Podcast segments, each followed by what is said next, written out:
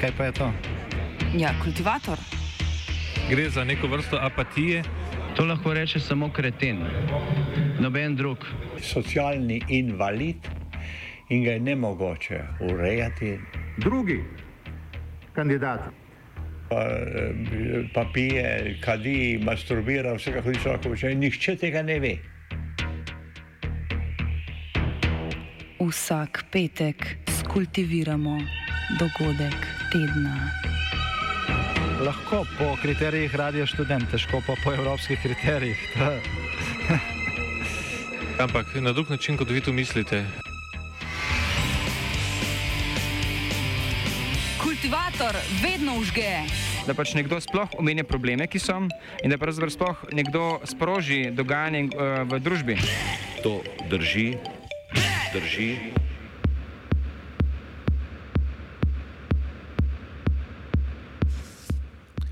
Veliki pok, iz katerega se ni rodilo nič.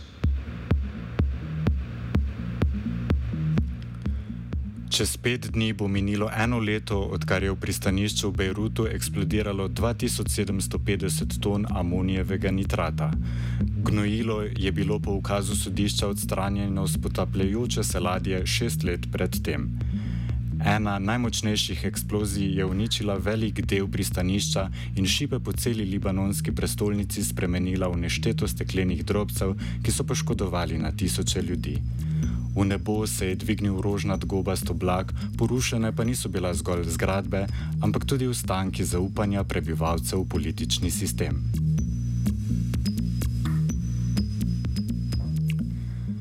Svojo izkušnjo lanske eksplozije opiše Anis Žermani, politični aktivist in zdravnik. Well, I, I, my, my house is actually very far away like from, from the blast, but still, uh, the house completely shook. We didn't understand. I mean, the first few minutes were complete confusion. Everybody thought that, you know, either it was um, some kind of, you know, political assassination or it was uh, bombing by Israel. Um, but then we, we saw, you know, the, the videos of what happened, and then we started learning of the catastrophe. Uh, and so, me being a medical doctor, I rushed to um, the hospital that I, that I used to work in, to the emergency room. And honestly, I think it was one of the the worst things I've ever seen. The uh, people were were all bloodied; they were completely shredded by by glass uh, for, that was broken up by the by the blast. Um, like it was complete chaos and confusion. There was there were at least I don't know like uh, a thousand people in in one ER, and like the, the staff was running amok. They they they lacked everything, uh, all sorts of equipment. Uh, doctors were running around. So then, like I, I remember, like this um, this patient that I, that I took care of. I, I worked on her for two hours, just removing the the blood and and the glass from all over her body. It was still not enough. So yeah, that was actually very terrifying. And at, at the same time, uh, there were like many people that I knew, my friends, my colleagues, that were um, you know injured by the blast because you know it, it, it's in Beirut and almost everybody, most of the Lebanese population lives there, um, and like all of the the hospitals were overrun. There were ten thousand injured within within the same hour. So um, there, there, there were people like the, the all of the hospitals were saturated. People had to go to drive while injured for two hours. Like one a friend of mine lo- almost lost uh, like three liters of blood just trying to get to the hospital. It was really catastrophic. And um, up until this day, actually, people are still showing up to the hospital with with pieces of glass within their bodies and they're removing them. It's been a year since the blast. Rajna Marisi, prav tako politična aktivistka, opiše izkušnje eksplozije ter njen psihološki vpliv na ljudi. I mean, yes, I, I, I was a, a witness to the event, um, and I, I could speak at length as to what I experienced, but I was one of the lucky ones because I was not injured. Uh, my home was not destroyed, um, and uh, none of my direct loved ones were killed. But what I remember most about the event is, is what impacted us after, how I heard so many stories from people saying that they had just left um, that area or they were just going to that area. And we started to say after August 4th that we are only alive by chance. It is only luck that is keeping us alive in Lebanon. Marisi pojasni, zakaj je tako grozljiv, šokanten dogodek, kot je bila ta eksplozija, ni služil kot sprožilec velikih družbenih sprememb. You know, after the blast, I, I thought, and, and I and I said this publicly, that um, this would be a transforming moment, and people would wake up and realize, etc., etc. But I find that idea to be exceedingly romantic, and sometimes quite naive, because trauma does not move us towards realization. Trauma moves us to hold on to whatever narratives we already have. So those individuals who believe in a certain leader will hold on to him even more after a trauma and not less. And it takes a, it takes a spectrum. It takes a, a series of changes to, to move people away from a sectarian philosophy. Politični sistem je dedič državljanske vojne, ki je nekoč v najbolj bogati državi na Bližnjem vzhodu, uh, Politični sistem je dedič državljanske vojne, ki je nekoč v najbolj bogati državi na Bližnjem vzhodu divjala od leta 1975 do leta 1990. Mir je v politični sistem zabetoniral sektaške sile, ki so se rodile iz vojne. Prej vladajoči kristijani, ki jih je na položaj elite po klasični kolonialni metodi postavila Francija v prvi polovici 20. stoletja, so dobili položaj predsednika države. Sedaj ga, za, sedaj ga zaseda 86-letni Mišel Aoun, ki je svoj vpliv zgradil kot poveljnik ene izmed krščanskih brigad med vojno. Šiiti so dobili položaj predsednika parlamenta, suniti pa položaj predsednika vlade. Ta sektaška razdelitev moči je v državi postopoma povzročila vedno večjo nefunkcionalnost državnega aparata.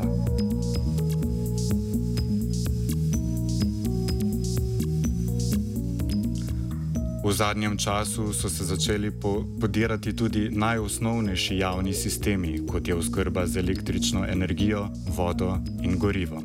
Sprožilni moment je bil zlom bančnega sistema in libanonske valute.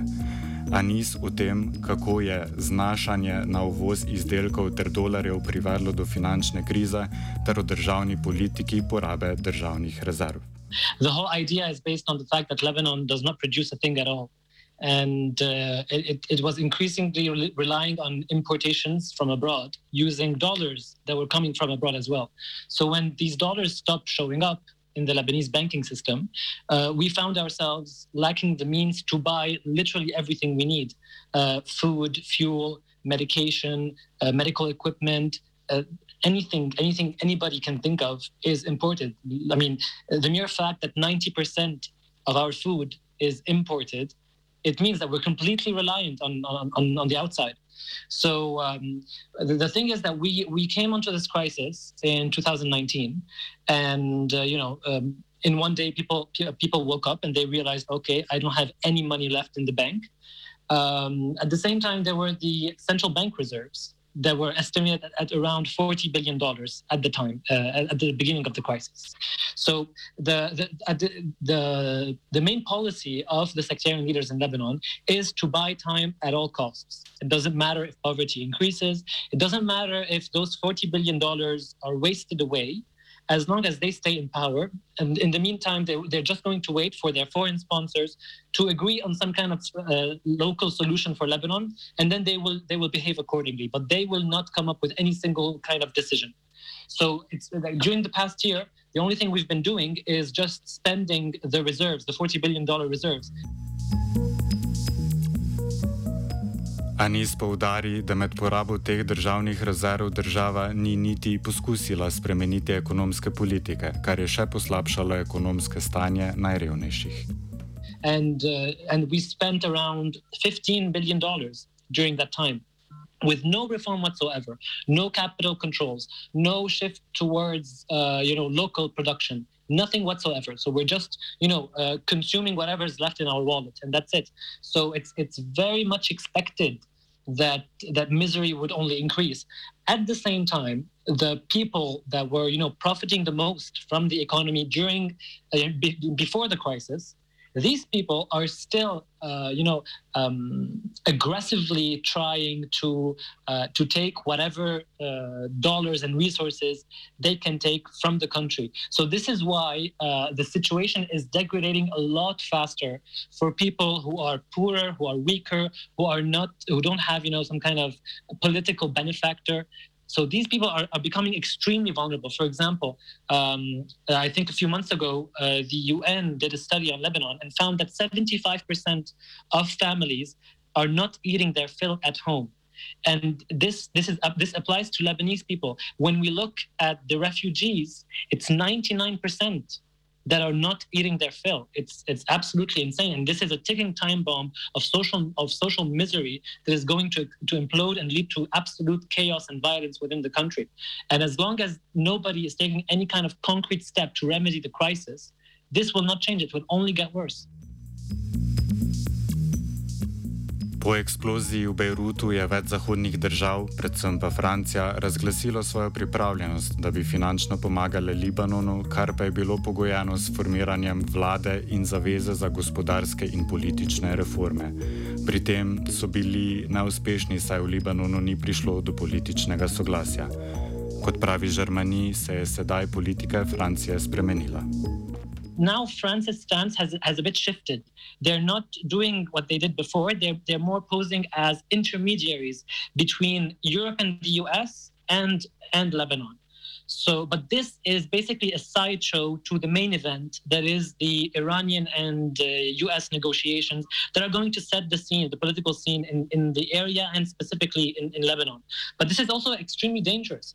So, um, if we look at the priorities of these uh, of these powers, especially Europe, their priorities in Lebanon is just that you know it doesn't like the situation does not completely disintegrate. They don't mind if there's poverty and misery and you know all of that, but as long as the the borders are kept in check, it's fine because they only worry about one thing, and that is a mass wave of migration of Lebanese, Syrian, and Palestinian refugees towards Europe. And this time it's going to be huge because apart from the 2 million refuge, uh, 2.5 million refugees in Lebanon, there's going to be at least 2 more million Lebanese uh, refugees coming from Lebanon.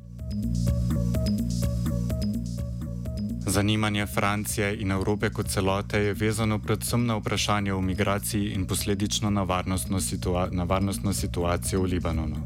Temu primerno podpirajo predvsem vojsko. So, if this is their priority, then the, their, their behavior would be more of a, you know, of a military or security-based approach. And that is, you know, supporting the, the security forces in Lebanon and the army as, as they have always done, so that you know the, when the army uh, keeps on keeps the borders in check, then it's fine. So th- this means less democracy, more repression, more abuse within within Lebanon, and more misery and poverty by not addressing the actual cause. And that is that there's this, there's this system that is unable to lead a country, and they, France, Europe, the U.S., and other powers have been supporting it for the past 30 years and never had a problem with it. So now the only worry is the refugees, and this is why you know they're going to just give us just a little bit of money to keep the army in place. V večini analiz v zahodnih medijih se za nestabilnost v Libanonu največkrat obtožuje Hezbola.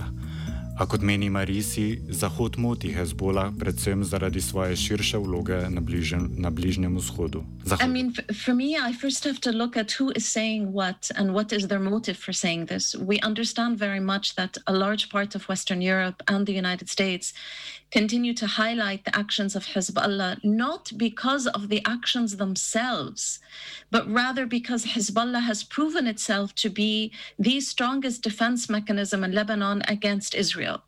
And it is because of the European Union and the United States' strong allegiance and support to the apartheid occupying state of Israel, it is because of their support of Israel that they then highlight the actions of Hezbollah. Um, so within that analysis is how we need to look at Hezbollah, particularly when we're talking about um, the involvement of the United States and Europe. And we need to, to recognize very clearly that all of us in Lebanon have the military right to defend ourselves against the Zionist state, and that the occupied people of Palestine also have the legal right to defend themselves by any means necessary against the occupation and apartheid that they face. Res je, da je Hezbollah najmočnejša politična sila v Libanonu in da se ima zato v veliki meri zahvaliti podporo iz Irana. A znotraj Libanona Hezbollah deluje predvsem kot še ena od sektaških političnih skupin. Now, with that context in mind, how do we then look at Hezbollah? Hezbollah is part of the sectarian system in Lebanon. Um, although it has proven itself to be a defense mechanism, it remains part of the sectarian system in Lebanon and it is behaving accordingly. So I would grant Hezbollah, yes, responsibility in the crisis that we face, but it is a shared responsibility with all the other sectarian political parties in the country. S tem se strinja tudi Žermani. If we look at Hezbollah as it is today, it is not a rising power. It is the, the most powerful party in Lebanon. And if we want to add to it the, the military capabilities of, of Hezbollah, it is equivalent to that of a regional army. So what what what, what contrasts is that with with this power, Hezbollah is also extremely weak in the sense that um, uh, there are a lot of changes, political changes within the region, especially the uh, the U.S.-Irani uh, negotiations that are underway, and and this this agreement, uh, in addition to uh, the U.S.'s foreign policy that is shifting more towards antagonizing China instead of uh, Iran. This means that you know Hezbollah's position is in flux today within the region. The entire region is changing. So within this uh, confusion, Hezbollah is, is afraid and is not taking any kind of clear position, at least within within Lebanon. So uh, there's this the changes that are happening on the outside. Inside, there's a lot of people who are resenting uh, Hezbollah as the most powerful party, and they are, you know, uh, blaming him for you know the entire crisis. Although, of course, I agree with Rania on this point that no, it is the responsibility of every single sectarian party that took part within the system. Libanon je trenutno brez dvoma v najslabši situaciji do konca, od konca državljanske vojne. Po eni strani zato, ker je postalo jasno, da noben, da noben dogodek ne more premakniti političnega statusa quo, a še bolj kritično je razpadanje državnih organov. Počasno razjedanje institucije je pripeljalo do kritične točke, ko je življenje postopoma postalo vse bolj neznosno. Izpadi elektrike, čakanje za benzin in iskanje zdravil po več lekarnah so postali vsakdanja realnost v Libanonu, ki vse več ljudi peha v izselitev. Vzroki so številni in kompleksni, a ključna je drugorazrednost Libanona v globalnem ravnovesju moči. V prvi polovici 20. stoletja je bil Libanon francoski kolonialni plen, nagrada za zmago v prvi svetovni vojni. Danes pa se je znašel na stečišču sil na Bližnjem vzhodu.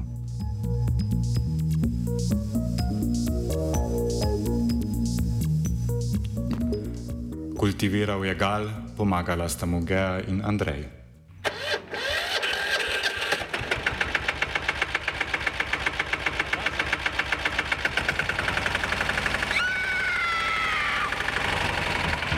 E, kaj pa je to? Ja, kultivator. Gre za neko vrsto apatije. To lahko reče samo kreten, noben drug.